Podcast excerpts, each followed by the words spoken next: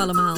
Welkom bij de vierde aflevering van de podcastserie Excellence in Pain Management die u aangeboden wordt door Zoetis. Ik ben Anke Verhagen en ik werk als National Veterinary Manager voor Zoetis Nederland.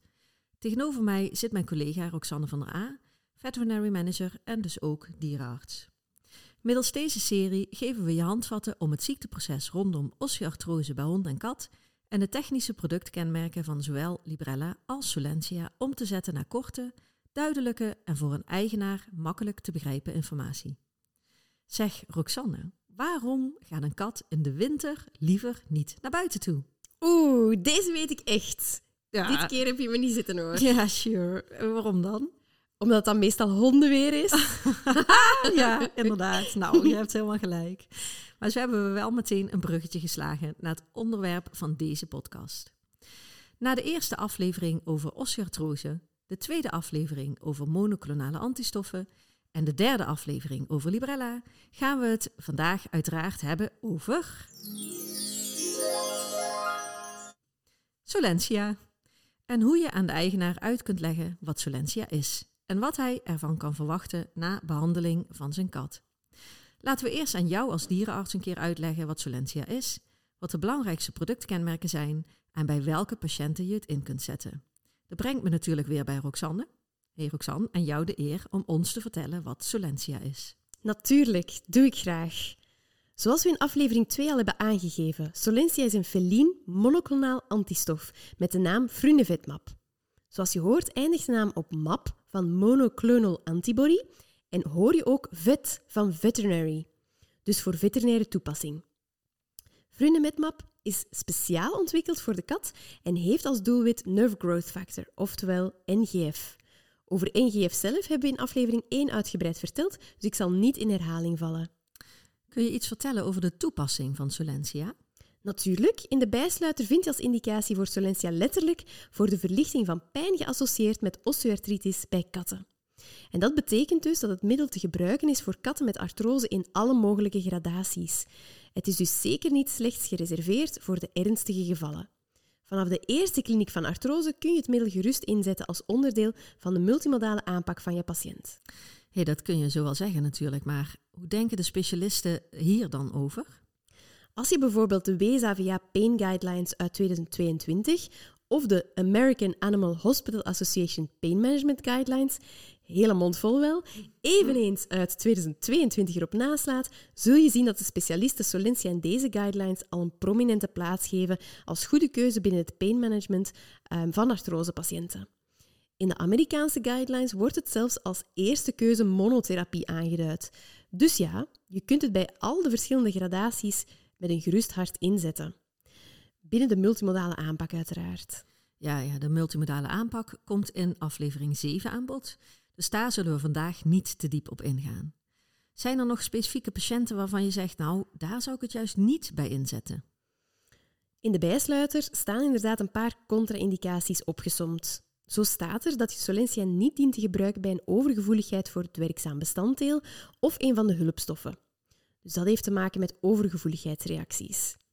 Maar ook dat je het niet dient te gebruiken bij katten jonger dan 12 maanden, bij fokdieren, drachtige en lacterende dieren. Deze contra-indicaties hebben niet zozeer te maken met Solensia, maar wel met NGF. NGF staat voor Nerve Growth Factor, zenuwgroeifactor dus, en de naam zegt het zelf al.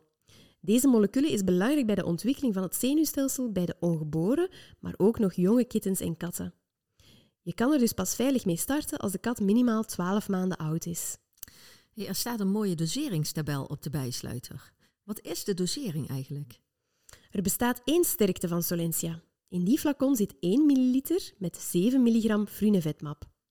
De aanbevolen dosering is 1 tot 2,8 mg per kilogram lichaamsgewicht. Eén keer per maand subcutaan toe te dienen.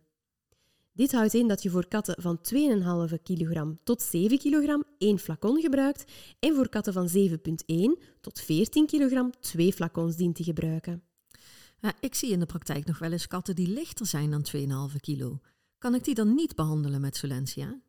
We hebben Solensia tijdens de registratiestudies niet getest op katten lichter dan 2,5 kilogram. Dus als je Solensia bij deze lichtere dieren wil gaan inzetten, realiseer je dan dat je off-label aan het werken bent. In de vorige aflevering heb je verteld dat monoclonale antistoffen eigenlijk heel veilig zijn en geen belasting van lever en nieren geven. En dat ze ook goed in te zetten zijn bij dieren met comorbiditeiten.